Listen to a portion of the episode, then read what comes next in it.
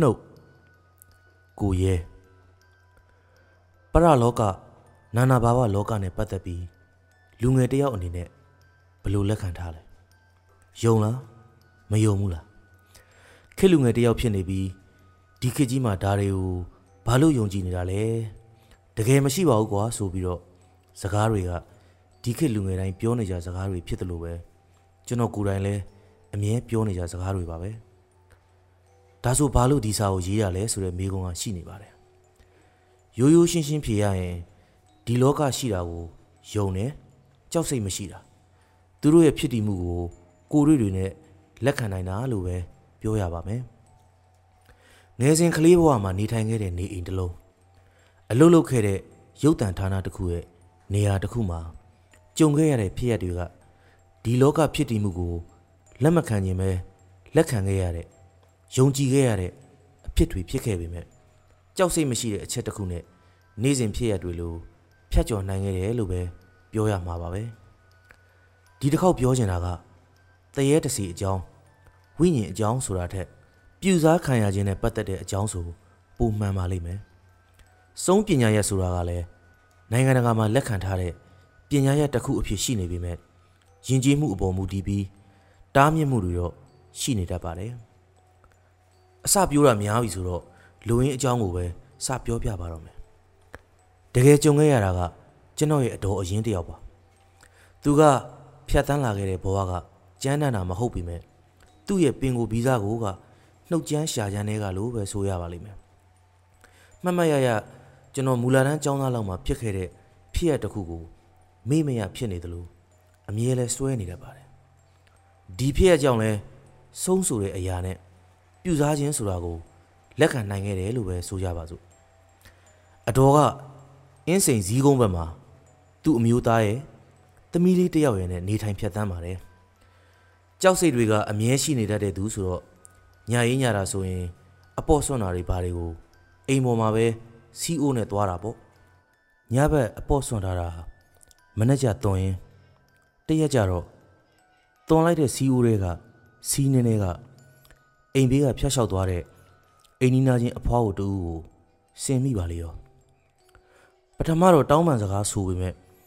အဖွားအိုကလည်းမကြည်မနှက်ပြောနေလို့မယိုသေးစကားနဲ့အတော်ကဆဲဆူလိုက်မိတယ်အသက်အရွယ်ငယ်တဲ့သူတယောက်ကအမေအရွယ်အဖွားအိုကိုဆဲဆူလိုက်တော့အဖွားအိုစိတ်ထဲလဲမကြည်မနှက်ဒေါသထွက်စိတ်တွေနဲ့နင်ငါအကြောင်းသိမယ်ဆိုပြီးကြိမ်မောင်းပြီးထွက်သွားပါတယ် ဒီလိုဒေါသတကြီးကြိမ်မောင်းသွားတဲ့အဖွားအိုကထူးထူးဆန်းဆန်းပဲညနေခင်းမှောင်ရီပြိုးစားအချိန်မှာအတော်ရဲ့အိမ်ကိုရောက်လာပြီးအတော်စားဖို့ဆိုပြီးအမဲသားဟင်းတစ်ခွက်လာပေးပါလေရောအမဲသားကြိုက်တဲ့အတော်အတွက်တော့အကြိုက်ဖြစ်သွားတာပေါ့အဖွားကြီးနဲ့ရန်ဖြစ်တာကိုမေးလျော်ပြီးသူလဲစိတ်ပြေလို့လာပေးတာပဲဖြစ်မှာပါဆိုတဲ့စိတ်နဲ့တထိုင်နဲ့ထိုင်စားပြစ်လိုက်တာပေါ့စားပြီးလို့ညအိတ်ခါကြီးရောက်တော့လေပင်နဲ့ အယိုးစူးသလိုအဖြစ်မျိုးဖြစ်လာတာကတော်တော်ဆိုးဆိုးခံစားချက်ဖြစ်လာတော့ရန်ကုန်ဆေးရုံကြီးအရေးပေါ်ကိုတင်လိုက်ရပါတယ်ဆေးရုံရောက်တော့ဓာတ်မှန်တွေပါတွေရိုက်တော့တဏီကုံငါးဟင်းမစားထားတဲ့သူကလေပင်မှာငါးရိုးကြီးကြီးတစ်ခုစိုက်နေတာကိုသွားတွေးလိုက်ပါတယ်ဆရာဝန်တွေလည်းကုသမှုပေးပေမဲ့သူ့အယိုးစူးတဲ့နေရာကပိုးပိုဆူလာပြီးအပြင်ကိုပေါက်ထွက်မလို့ဖြစ်လာပါတယ်အဲ့ဒါနဲ့ခွဲကန်းရက်တွေပါယူလိုက်ကြ လိုအပ်တဲ့စစ်ဆေးမှုတွေလုပ်လိုက်ကြနဲ့အားလုံးစစ်ဆေးပြီးချိန်မှာခွဲစိတ်မှုလုပ်လိုက်တယ်တည်တည်ချာချာကိုလိုအပ်တဲ့စစ်ဆေးမှုတွေလုပ်ခွဲကန်းဝင်ဖို့ပြင်ဆင်ခွဲကန်းဝင်တဲ့လိုအပ်တာတွေအစဉ်စဉ်တေချာပြုလုပ်ခဲ့ပြီးမြဲတကယ်တမ်းလဲခွဲရောလေဘင်းမှာရှိနေတဲ့အယိုးကရှိမနေပဲပုံမှန်အတိုင်းပဲဖြစ်နေပါတယ်ဆရာဝန်တွေလည်းတော်တော်လေးအံ့အားသင့်သွားခဲ့ရပါတယ်ဆေးရုံမှာဆက်ထားမယ် ဆက်ဆောင်ကြည့်မယ်ဆိုပြီးဆုံးဖြတ်ချက်ချလိုက်ရတာကလွဲလို့လေဘင်းကိုအဓိကဒုက္ခပေးနေတဲ့အယိုးကတော့အပြင်ကိုရောက်မလာခဲ့ပါဘူးတရက်နှစ်ရက်လောက်နေတော့လေဘင်းရဲ့နောက်တနေရာကနေပထမတစ်ခါဖြစ်တယ်လို့ပဲထပ်ပြီးစူထွက်လာပါလေရောနောက်တစ်ခါဓာတ်မှန်တွေဘာတွေရိုက်နေခွဲကန်းထပ်ဝင်ရတဲ့အဖြစ်ကိုရောက်ပါတယ်ဖြစ်လိုက်ခွဲလိုက်အယိုးမရှိလိုက်နဲ့ဆေးရုံမှာလာချီတက်၄၅ခါလောက် ခွဲကန်းဝင်လိုက်ရပြီးတဲ့အချိန်မှာတော့ဆရာဝန်တွေကဆေးရုံဆင်းဝင်ပေးဖို့ဆုံးဖြတ်လိုက်တယ်လို့မစင်းငယ်မှလည်းသိပ္ပံဆေးပညာနဲ့မရတော့ဘူးမြန်မာနီးမြန်မာဟန်နဲ့ကုကြည့်ပါအောင်ဆိုတဲ့စကားကိုလက်ဆောင်ထည့်ပေးလိုက်ပါတယ်6လလောက်ဆေးရုံတက်လိုက်ရတယ်လေပင်ခွဲထားတော့နှာခေါင်းကနေအစာပိုက်နဲ့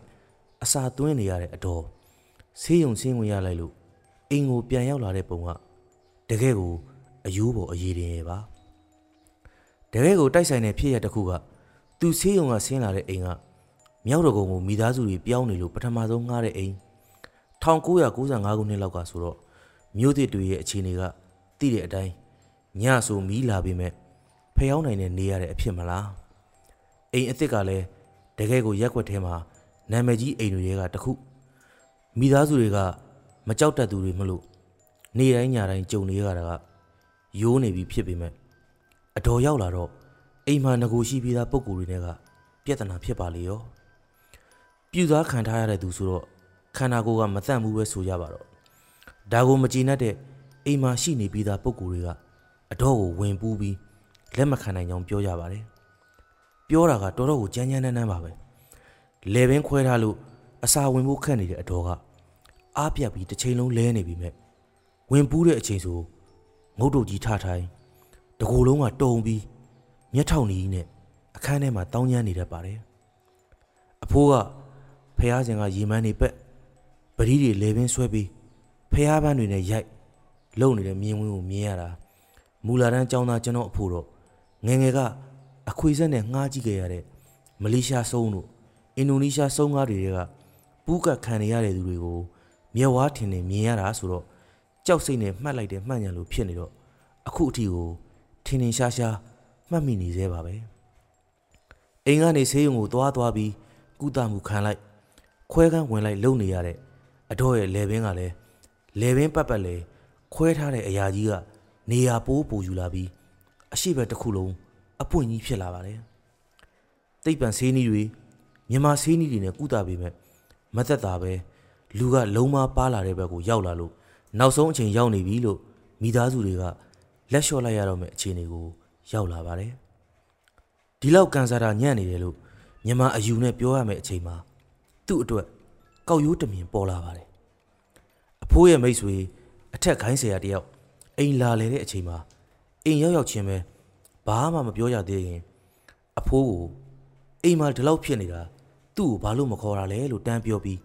မိသားစုတွေနဲ့စကားမပြောခင်အတော့ကိုအရင်ဆုံးဝင်ကြည့်ပါတော့တယ်အဖိုးကိုလည်း သူ့ကိုမခေါ်ရကောင်းလားဆိုပြီးဗဇက်ကနေတတွတ်တွတ်အပြစ်တင်စကားဆိုရင်ကဲလှုပ်เสียရှိတာတော့လုံးမှာပဲရမယ်မဟုတ်ရင် तू ရောအိမ်ကလူတွေရောဒုက္ခရောက်မယ်ခေါ်လာခဲ့ဖះစင်ရှိကိုလို့ပြောရင်ဖះစင်ရှိသွားထိုင်ကအရင်ဆုံးဝတ်ပြုနေပါတယ်ကျွန်တော်ကတော့ကလေးကငယ်လို့တကားနားမှာမနေခိုင်းနဲ့အိမ်တကားတွေလည်းအားလုံးဖွင့်ထားလို့အတော့ခေါင်းကိုကန်ရွတ်ဖတ်နေရင် ဆရာကပြောလိုက်တော့အမေကအောက်ထပ်မှာဆင်းနေဖို့ကျွန်တော်ကိုခေါ်သွားပါတယ်လှေကားဆင်းနေရင်ပဲမအေးနေမြမြန်ဆင်းအိမ်ကိုဧည့်သည်လာနေပြီခလေးကငယ်တယ်ဝေးဝေးမှာထားလို့ဆရာကလှမ်းអော်တယ်လို့အကုန်လုံးလဲသူနဲ့အတော်ရှိတဲ့ဖះစဉ်ရှိကိုလမ်းရှင်းပေးထားဖို့အမိန်ပေးလိုက်တယ်ပေါ့ဖះစဉ်ရှိမှာနာယီဝက်လောက်တွတ်တွတ်ပြောရင်ကဲကဲဧည့်သည်ပြန်မယ်လမ်းရှင်းထားကြအောင်လို့ဆိုပြီးထပ်မိတ်ပါတယ် အားလုံးပြီးဆုံးသွားတော့အတော့ကိုလည်းအခန်းထဲပြန်ဖို့အိမ်သားတွေနဲ့စကားပြောမယ်ဆိုပြီးဆရာအောက်ထပ်ကိုဆင်းလာပါတယ်သူပြောတဲ့စကားတွေကအကုန်တော့မမှတ်မိပြီမဲ့အတော့ကိုလှုပ်လိုက်တဲ့အဖွားကြီးရောက်လာတယ်သူ့ကိုဆဲဆိုလို့အခုလိုလှုပ်တာပြန်ကောင်းအောင်လုပ်ပေးဖို့စိတ်ကူးမရှိဘူးအသေးလှုပ်ထားတာဒါပေမဲ့ဆရာကတောင်းပန်လို့ကြည်အေးပေးမယ်သူ့ကိုသူ့နေရာမှာလာတောင်းပန်ပါလို့ပြောသွားတယ်ဆိုပြီးဆရာကပြန်ပြောပြပါတယ်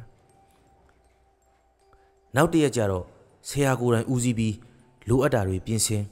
ကြော့ဝဲတွေဘာတွေနဲ့အဖွားကြီးအိမ်ရှိတဲ့ဇီးကုန်းကိုသွားပြီးတောင်းပန်တော့အဖွားကြီးကရေတစ်ခွက်ထခတ်လိုက်တယ်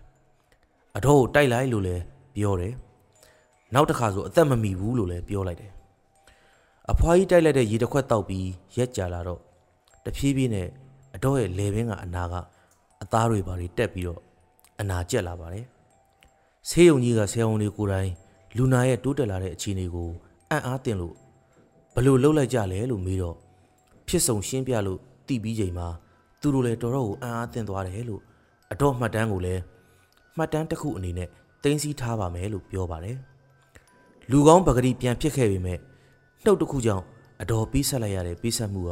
ကြီးမားခဲ့ရပါတယ်ကျွန်တော်အတွက်လည်းဒီလောကဖြစ်ရတဲ့ပတ်သက်တဲ့အရာတွေတဲ့တစ်ခုကိုယုံကြည်ဖို့ဖြစ်ခဲ့တဲ့အကြောင်းဆိုပေမဲ့ တဦးနဲ့တဦး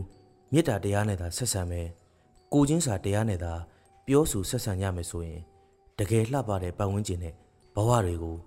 ပိုင်ဆိုင်နိုင်ရမယ်ဆိုတဲ့အသည့်တစ်ခုကိုပါရရှိစေခဲ့ပါတယ်စက်တင်ဘာ29ရက်နေ့လယ်12နာရီ22မိနစ်